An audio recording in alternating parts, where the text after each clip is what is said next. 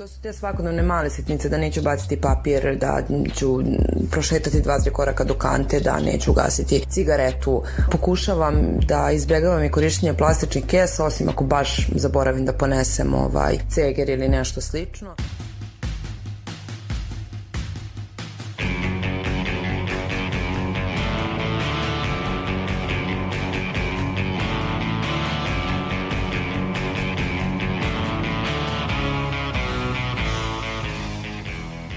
Zdravo, slušate podcast Reaguj nezavisnog društva novinara Vojvodine. Ja sam Iva Gajić, a na pripremi ove emisije radili su i Sanja Đorđević, Nemanja Stevanović, Sanja Kosović i Irena Čučković. U 51. epizodi govorit ćemo o ekoaktivizmu mladih, čime su oni to nezadovoljni kada je u pitanju ekologija, ali i šta rade povodom toga. Osim što vam pripremamo priče, o ovoj temi razgovarat ćemo i sa današnjim gostima u studiju. Ali pre toga i ovu epizodu krenut ćemo od brojeva. Sanja Kosović pripremila je prilog o istraživanju koje je sproveo CESIT.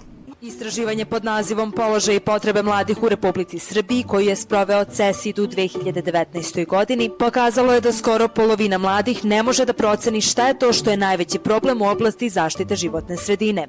Oni koji nisu znali odgovor na to pitanje najčešće su bili srednjoškolci i mladi koji žive u prigradskim sredinama.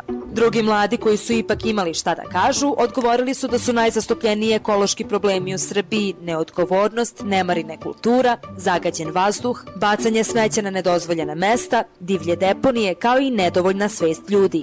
Ipak nije sve tako crno. U poređenju sa prethodnom godinom porasto je broj mladih koji uvek recikliraju otpad sa 13% u 2018. na 22% u 2019. Takođe, porastao je broj mladih koji uvek odlažu smeće u kontejnere sa 75% na 80%.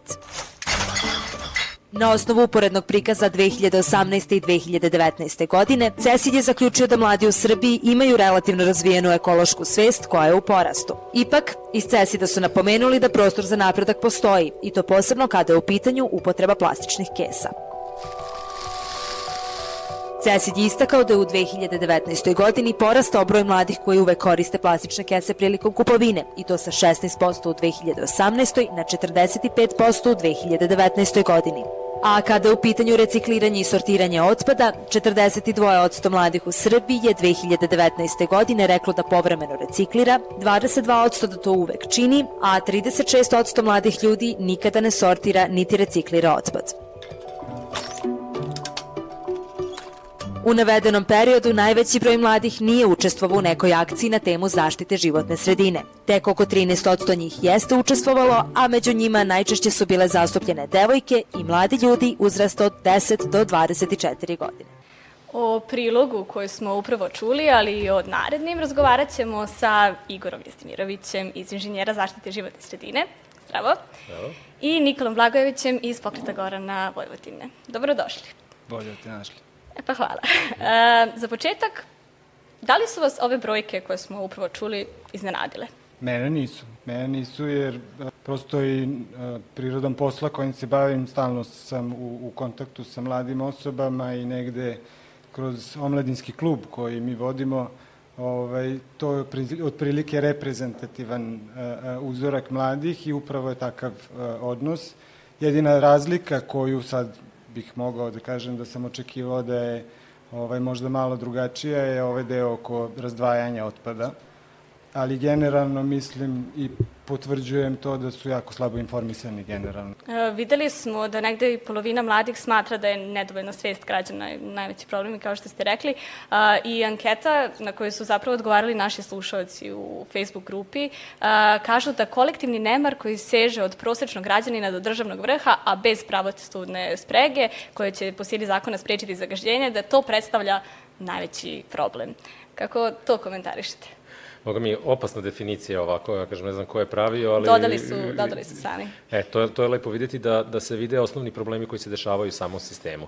Znači, jeste nedostatak svesti s jedne strane, a s druge strane vi imate način da to regulišete kroz ponašanje, tačnije kroz pravni sistem. Znači, ja mogu da na vas apelujem da bacate otpad u kantu, a s druge strane vrlo jednostavno mogu to da rešim tako što onaj ko to ne radi bude kažnjen za to. Moramo da shvatimo da uh, oni primeri koje mi ističemo kao pozitivni nisu ništa drugo nego neko ko je upravo taj sistem primenio. Nije Nemac ili Švajcarac mnogo kulturniji u odnosu na nas ovde, nego on zna kada baci pikavac da ga košta 50 eura na licu mesta i da on ne može tu ništa da urede, ne može da zovne batu, mamu, tatu da to rešava, nego će platiti tu kaznu. I on jednostavno isplatimo se da to ne radi. S druge strane, ovde imamo jedan javašluk koji postoji da vi kada znate da neko ne radi kako treba po životnoj sredini, imate snimak, zgrožavamo se svi po Facebooku, po društvenim mrežama kako je to nemar i nemate nikakvu reperkusiju za to. Znači, vi nemate posledicu za loše ponašanje, niti vrlo često nemate nagradu za dobro ponašanje. Nego u suštini, kako god da se ponašate, mi pričamo o tome da je kolektivna svest nedovoljna. Kolektivna svest će uvek biti nedovoljna, jer sistem zaštite životne sredine, klimatskih promjena, cirkularne ekonomije, još da uvek nije dovoljno uključen u naše formalno obrazovanje, koje je stub u ovakvom sistemu kakav je našeg ponašanja i nažalost vrlo često nemamo dobre primere na koje se ugledamo u svakodnevnim E, bombardovanjima kroz medije, nego jednostavno životna sredina kada dođe na temu, ona postaje kao nešto, jao, vidi šta se desilo. Jako često pozitivni primjeri ne mogu da dobiju tu pažnju, kao što dobiju mnoge gluposti na nacionalnim frekvencijama koje možete da gledate u izobilju. E, imaćemo i pozitivni primer kasnije tokom emisije, ali za početak, s obzirom na to da je tema ove epizode e, ekoaktivizam mladih, e, poslušajmo prilog koju uradila studentkinja Tina Damljanović, koja će nam otkriti čime su mladi to nezadovoljni kada je u pitanju ekologija. 21. vek, 2021. godina. Ekološka situacija u Srbiji je takva da pojedine reke od smeća ne vidimo, a vazduh od prevelike zagađenosti vidimo. Iako je u svetu trend brige o okolini u konstantnom porastu, ekološka svest u Srbiji je i dalje vrlo, vrlo upitna. Zbog toga smo pitali mlade što bi promenili u svojoj sredini kako bi se prirodi pomoglo da ozdravi i kako bi nam svima bilo bolje. Pa hajde da čujemo neke od odgovora. Pa promijenila bi da ima više parkova, više pješačkih e, zona, znači te ne mogu da prolaze auta, više zelenila u svakom slučaju najbitnije od svega je da se pročisti vazduh u većim gradovima, kao što je, na primer, Beograd. Ako pričamo o nekim konkretnim postupcima koje trebamo da radimo, smatram da je to u prvom redu reciklaža na jednom visokom nivou, ali da opet trebamo poći od svakog doma pojedinačno gde bi svako od nas u svojoj kući mogao da se potrudi da odvaja papir, plastiku i staklo. Beograd Novi Sad mora obavezno da se zasadi brdo drveća tamo jer toliko taj smog i to je sve odvratno. A ono, no gde ima drveća to još i seku. Pored toga da li mladi razmišljaju o neophodnim promjenama, podjednako je bitno koliko su zapravo spremni i zainteresovani da u takvim poboljšanjima učestvuju i ulože svoj trud i vreme. Upravo to smo pitali mladog ekoaktivistu iz Novog Sada i inicijatora akcije čišćenja Fruške gore, Rastka Markovića nepopularno je biti aktivista, čak te ljudi smatraju onako čudakom.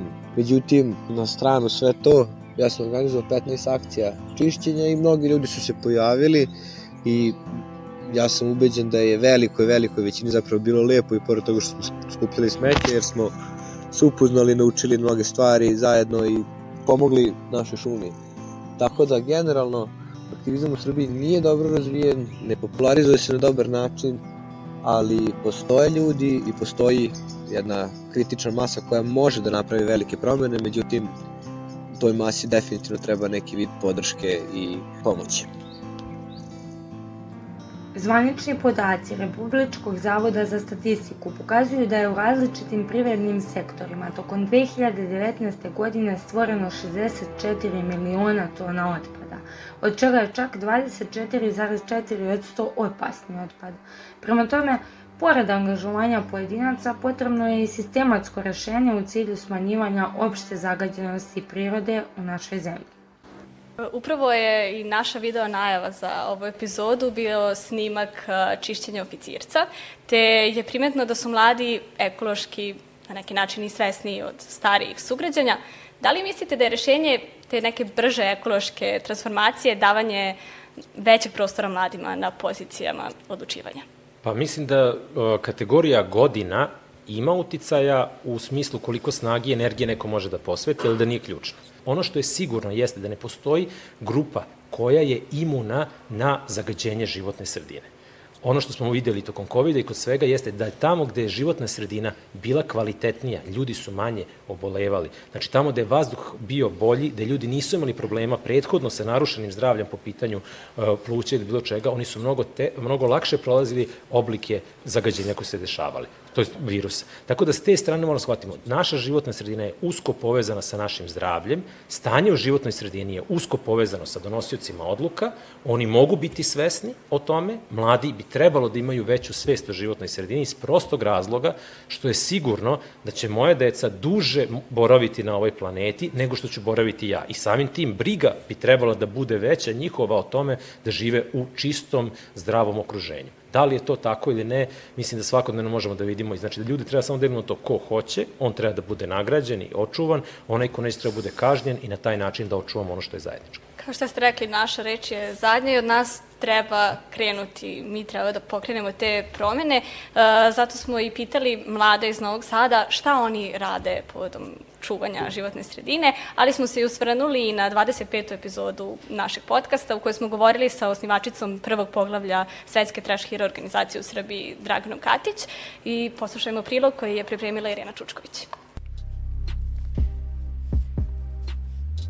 U poslednjih nekoliko godina u Srbiji je poraslo građansko angažovanje kada je reč o zelenim temama. Protesti protiv mini hidroelektrana na Staroj planini, kao i skorašnji ekološki ustanak i protest protiv zagađenja reke Pek u Beogradu. Sve to pokazalo nam je da su građani spremni na akciju kada je reč o lokalnim ekološkim problemima. Međutim, šta je ono što svako od nas može učiniti kako bi zaštitio životnu sredinu? Da li obraćamo pažnju gde bacamo smeće, da li u kupovinu odlazimo sa cegerom i da li smo zaista rekli ne plastičnim bocama? Sve ovo pitali smo građane Novog Sada. To su te svakodnevne male sitnice, da neću baciti papir, da ću prošetati dva, tri koraka do kante, da neću gasiti cigaretu. Pokušavam da izbjegavam i korišćenje plastičnih kesa, osim ako baš zaboravim da ponesem ovaj ceger ili nešto slično. Ne bacam otpadke po ulici i slične stvari. Pored toga, ja bih zaista volao da sam u prilici da sortiram svoje, svoj otpad, ali nažalost nisam u prilici za tako nešto, zato što svakako sve smeće koje bacim završi u istom kontejneru, eventualno se mogu izdvojiti čepovi neke stvari. Posljedno tih nekih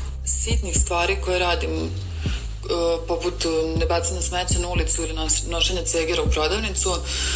Ono što se zaista trudim da radim i što mislim da je negde i najbitnije što svi možemo da uradimo jeste da se e, svakodnevno informišem zapravo problema sa kojima se suočavamo, kako na nek, nekim lokalnim zajednicama, tako i u državi, ali i globalno. E, nisam skoro učestvovao ni u kakvoj ekološkoj akciji, ali ono što radim jeste da nikad ne bacam smeće van kante, to je najmanje što mogu. Čuli smo na koji način mladi novosađeni čuvaju svoju okolinu, kao i da bi neki od njih želeli da je ceo sistem u Srbiji više ekološki svestan. Osim individualnog zalaganja za smanjenje zagađenja životne sredine, postoji pozitivni primjeri grupi i organizacija koji se time bave u Srbiji. Jedna od njih je i Trash Hero. Dragana Katić, osnivačica prvog poglavlja Svetske Trash Hero organizacije u Srbiji, bila je sagovornica i 25. epizode podcasta Reaguj. Dragana nam je još tada objasnila da je cela ideja pokrenuta od organizovanja akcija čišćenja na društvenim mrežama. Od 2018. E, smo napravili 23 akcije i e, u njima skupili sigurno preko 5 tona otpada, što je stvarno onako značajna cifra kada se razmisli o tome da, da je to otpad iz prirode, iz, iz, iz naših gradskih šuma. Broj volontera koji je do sada učestvovao preko 5000 u celoj Srbiji, zato što smo mi prošle godine pokrenuli i taj e, trash izazov, koji je e, podrazumevao da se male grupe ljudi organizuju i, i, i očiste svoj kraj, tako da je tu bilo jako mnogo akcija i to je onako nekako dobilo prosto jednu širu dimenziju. Naša sagovornica objašnjava i šta misli da je ključ uspeha i masovnosti ovakvih akcija. Zato što nam je isti cilj. Mi imamo negde to, to nam je u mentalitetu da kada, nam, da kada imamo, e, da kažem, zajedničkog neprijatelja, mi se onda udružimo i jako smo solidarni. Mladi su spomenuli jel, te male stvari koje možete urediti. Nikola, hteli ste da, da prokomentarišete? Ono u šta ja duboko verujem i e, to je da nešto što smo dugo kada smo razmišljali kao neko ko je malo starija generacija, ko sad posmatra kako se, šta se dešava, pa uvek kao mladi nezainteresovani, apatija, neće se pomenemaju ideja i sve. Ja verujem u jednu kako bih rekao, revoluciju, anarhističku revoluciju koja će promeniti ne samo odnos prema prirodi, nego generalno promenit će svet, a ona će doći iz tog nečega što ja trenutno i čak i moje generacije ne mogu da razumeju u potpunosti, a to je mogućnost komunikacije planetarne i, i dobijanja informacija a, u instant, u sekundi i to već više nije e, nešto što mi možemo da shvatimo i prihvatimo na tradicionalni način učenja, prenošenja informacije, to je danas dosadno i postaće sve dosadnije. Prosto neka revolucija će se desiti, a ja verujem da će životna sredina, tačnije ekologija, doći u taj fokus, te neke velike društvene promene. Da li će se to desiti u narednih 10, 50 ili 100 godina, ne znam, ali, ali mislim da će se desiti. Da li ta revolucija treba da bude pokrenuta nevladinim sektorom ili ipak treba da očekujemo to od institucija? Mislim da su prevelike očekivanja od institucije i od nevladinog sektora. Nevladin sektor je sada toliko pritisnut administracijom, mnogo više nego aktivizmom, da mi sad više vremena potrošimo za stolom pisajući, pišući različite izveštaje nego što smo stvarno na terenu, što je tuga, s jedne strane, s druge strane, toliko je ta institucionalna uh, zatvorenost, nepoverenje porasla da ti sad pravdaš kroz šest nekih stvari, a u suštini je stvar vrlo prosta to će doći od običnih ljudi koji neće imati pijaću vodu. Vama ne treba niko da bi u Zrenjaninu pokrenuli revoluciju i rekli, alo ljudi, 17 godina nemamo pijaću vodu. Meni je to u 21. veku neshvatljivo. To nema veze ni sa čim. Ja ne mogu da shvatim da ti smatraš da si doprinao što si bacio otpad u kantu. Bravo, majstore, 21. vek, juče sleteli na Mars. Ti si uspeo da pogodiš kantu. Majstore, stvarno si se potrudio. Znači, to je banalna stvar, to je stvar kućnog vaspitanja, da kada uđeš, kažeš dobar dan i ostalo. To ne treba da bude, da ti imaš osjećaj, nisi ništa doprineo. Doprineo si tome da sutra, umesto da platim nekoga da ide da kupi đubre za tobom, ta sredstva može da da za tvoju lokalnu akciju, za sadnju drveta ili za tvoje besplatno školovanje. E, tome si doprineo. Da svaka bahatost nas košta. Mi smo u izveštaju iz 2019. godine imali situaciju da je grad Novi Sad plaćao e, čistoće uklanjanja divljih deponija od 2500 eura po toni. E, toliko je koštalo nemar i nesposobnost sistema da uvati onoga koji je napravio divlju deponiju, e, to koštalo sve nas. E, to, majstore, smo uspeli da izbegnemo time što si pogodio kantu. Pri kraju ćemo se vratiti na optimizam, kako ste krenuli u lepom pravcu, ali prvo da razgovaramo o poglavljima za e, pristup e, Srbije Evropskoj uniji. Jedno od poglavlja je, e, odnosno odnosi se i na zaštitu životne sredine. 27. Tako je, poglavlje 27.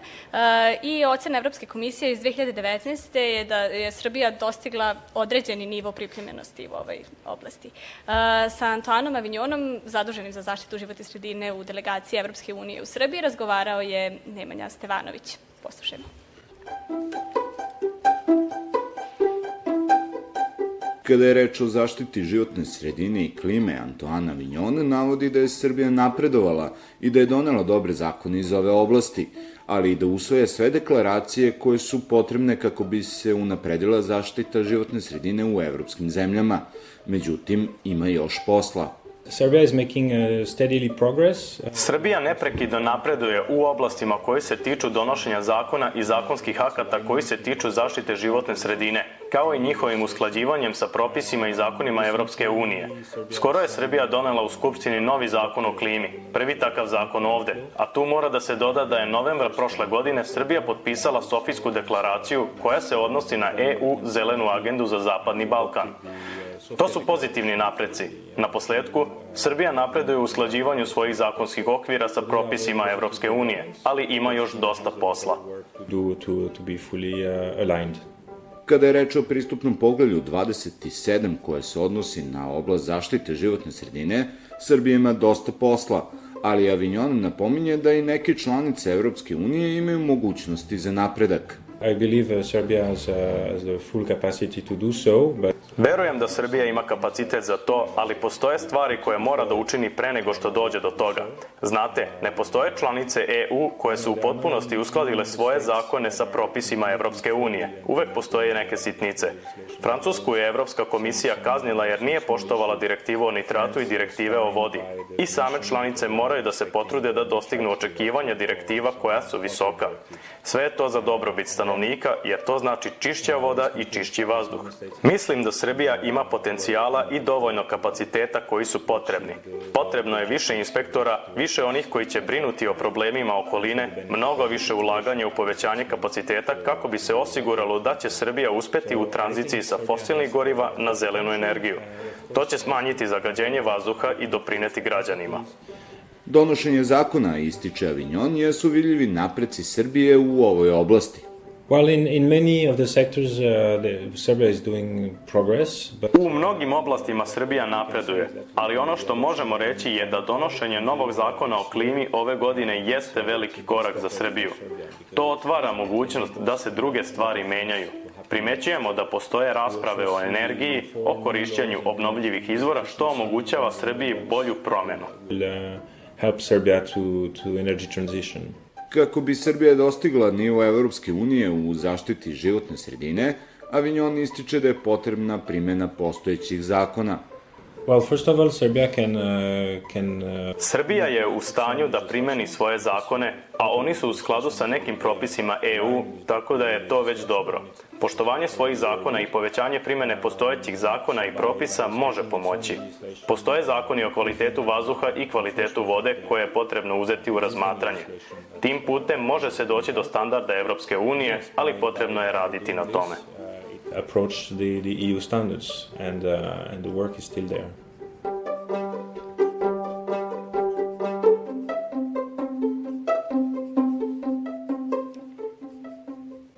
Da li Srbija da li se dovoljno trudi da, da ispuni poglavlje 27? I koji je vaš komentar na, na cijelu? Teške priče. pa ajde, koalicija 27 koju smo članici inženjeri zaštite životne sredine, veo već preko pet godina izdaje izveštaj Senki koji je jedan detaljan prikaz napretka Srbije u ovom pravim regulativi, implementaciji u oblasti životne sredine, tačnije poglavlja 27, znači gde spadaju klimatske promene. Vi od eh, predstavnika Evropske unije ćete uvijek dobiti jedan politički korektan odgovor. Napredovali ste. Jeste, napredovalo i dete koje je uspelo u trećoj godini da skine pelenu. Napredovalo je bez daljnjeg. I ono u petoj koje je uspelo, i ono je napredovalo. Ali eh, količina vremena koje Srbija gubi, trajno gubi, vreme kao jedini resurs koji je nemoguće ono, na, na bilo koji drugi način a, absorbovati, ovaj, da kažem, zameniti, da. vratiti, je strašno. Taj zakon o klimatskim promenama kojom se priča je, treba da bude donesen pre dve godine. Mi od 2019. nemamo strategiju upravljanja otpadom. Kad krenete po strateškim dokumentima u Srbiji, ne postoji a, dokument da nismo kasnili ili koji nije do kraja sproveden. Strategija održivog razvoja je koštala u svojoj izradi milion eura. Njena implementacija je prošla na taj način da niko nije više ni teo da se bavi time šta se postiglo iz onoga što je isplanirano. I sad x, y tih primera. To su mrtva slova ovaj, na papiru. I na taj način vi jeste otkačili, ja stigo, odlično, odličan novi zakon, e, baš ga je do, usvojili smo ga. Šta ćemo sa primenom, koliko imamo inspektora, kakvi su rezultati te primene, pa tu treba još da poradimo. To treba da poradimo na nivou pogodi kantu za đubre. Da, svaki opština treba da ispuni zakonsku obavezu, da uradi morfološki sastav samog otpada i da sprem toga planira koliko treba reciklažnog ovoga ili onoga. Znači, mi imamo zakone koji su solidni i koji u startu, kad ih donesemo, znamo da ih nećemo primenjivati, i da to neće nikoga boleti, osim ako baš tog bude trebalo da boli. Tako da, e, taj deo koji se stalno politički korektno kaže da smo napredovali, se tu završava i to je prva vest koju čujemo, a s druge strane shvatimo da kao, e, nešto se radi. Ne, ne radi se dovoljno, ne, nije dobro. Jer ono što gubimo, gubimo vreme i gubimo zdravlje. Šest i po hiljada ljudi zvanično svake godine umre od posledica zagađenja vazduha. Taj broj je veći znatno veći od broja preminulih od COVID-19.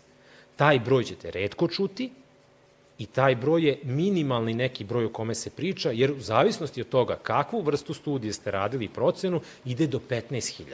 To nisu egzaktne brojke koje možete da izmerite, ali su procene koje su validne na osnovu dostupnih podataka urađene. E, to je taj deo koji je životna sredina unutar Evropske unije skapirala. Pa meni je bolje da uradim prevenciju i zato se ja bavim životnom sredinom.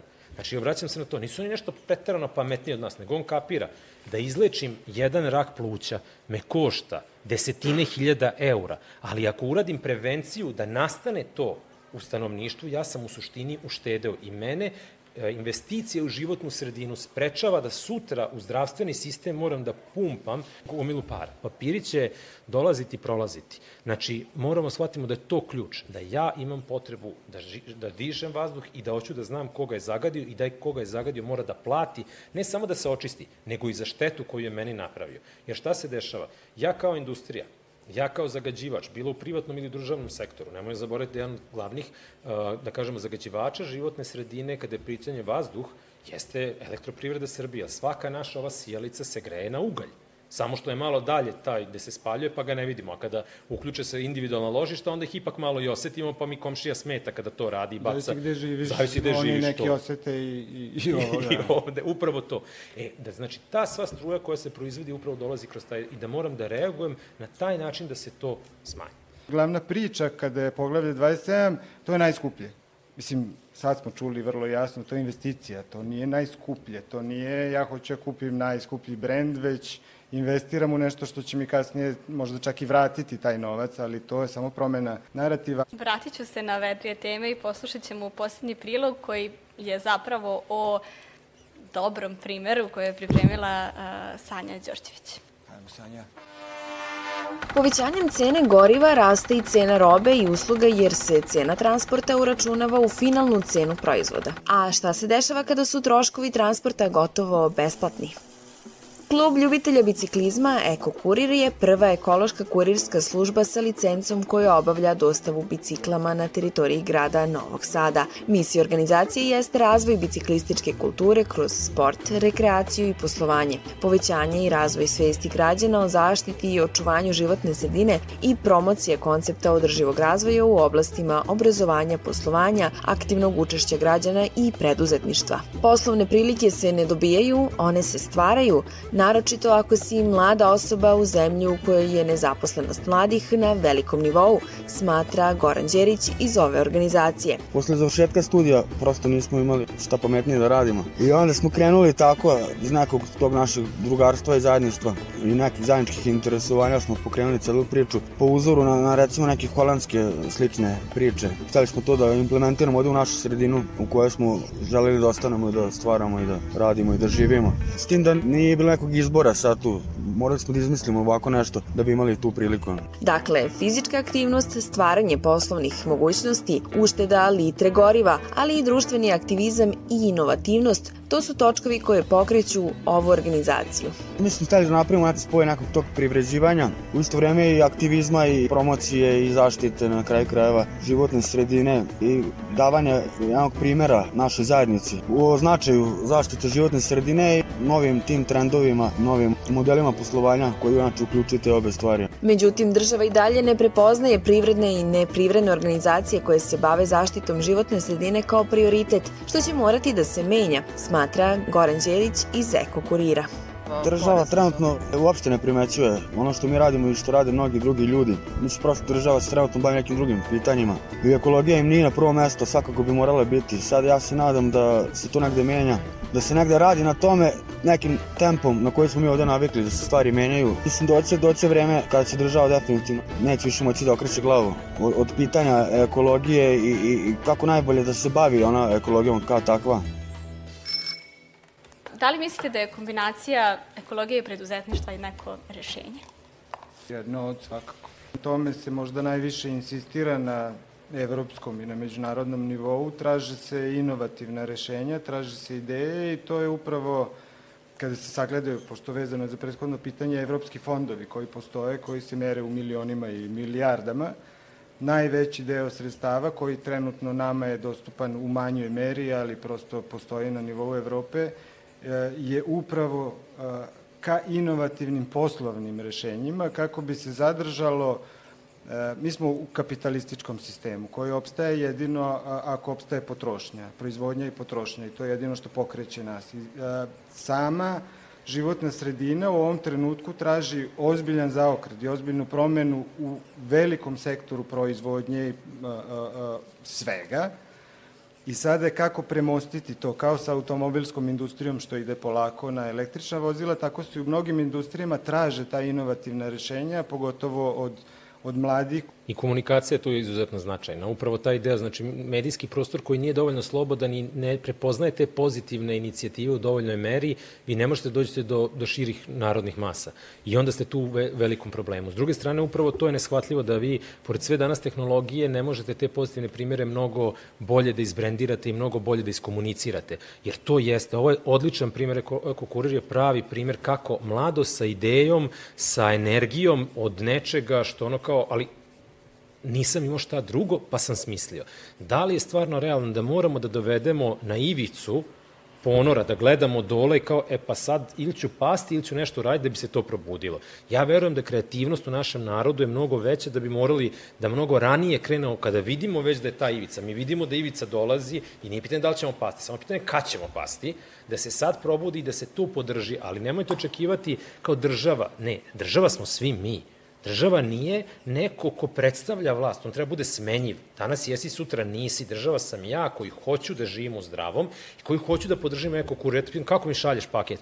Pa kao doći će, pa će on Ne, hoću da mi pošleš eko kurirom i to je moj uslov da bi mi poslovali. Jer ja imam svest da na taj način ja nisam doprineo potrošnji fosilnih goriva i da na taj način ja hoću da moji proizvodi idu i šire se. E to je ono što stvarno menja sistem. Kao što i podrška malim lokalnim proizvodima, nešto što menja drastično ceo ekološki otisak koji se pravi. Borba za životnu sredinu i podrška a, lokalnoj poljoprivredi je svakako jedan od prvih koraka ka rešenju i zaštite životne sredine i time bismo mogli da završimo 51. epizodu podcasta Reugu u kome smo se i posvetili ekoaktivizmu mladih i za, značaju zaštite životne sredine. Hvala vam što ste bili naši gosti. Slušamo se i gledamo ponovo već sledećeg utorka, a do tada ne zaboravite da vas čekamo na Instagramu, Facebooku, Twitteru i TikToku. A čekamo i vaše komentare i predloge tema i to na adresi podcast.ndnv.org. Naš rad možete pratiti na iTunesu, Stitcheru, Castboxu, Sounderu, Google podcastima, Spotifyu, kao i na sajtu podcast.rs. Ukoliko želite da nas podržite, uradite to baš šerovanjem, komentarom, deljenjem svoje priče ili preko sajta donations.ndnv.org. Ova epizoda podcasta realizovana je u okviru kampanje delegacije Evropske unije u Srbiji povodom Dana Evrope 2021. godine zajedno sa EU Infokutkom Novi Sad.